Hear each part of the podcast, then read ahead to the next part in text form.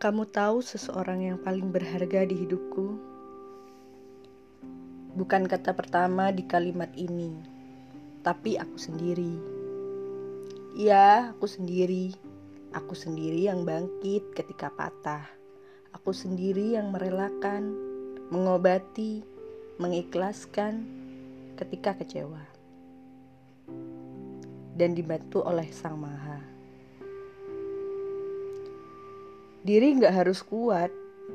Diri adalah kekuatan itu sendiri. Yang Maha telah mempercayaimu mampu walau hanya hamba.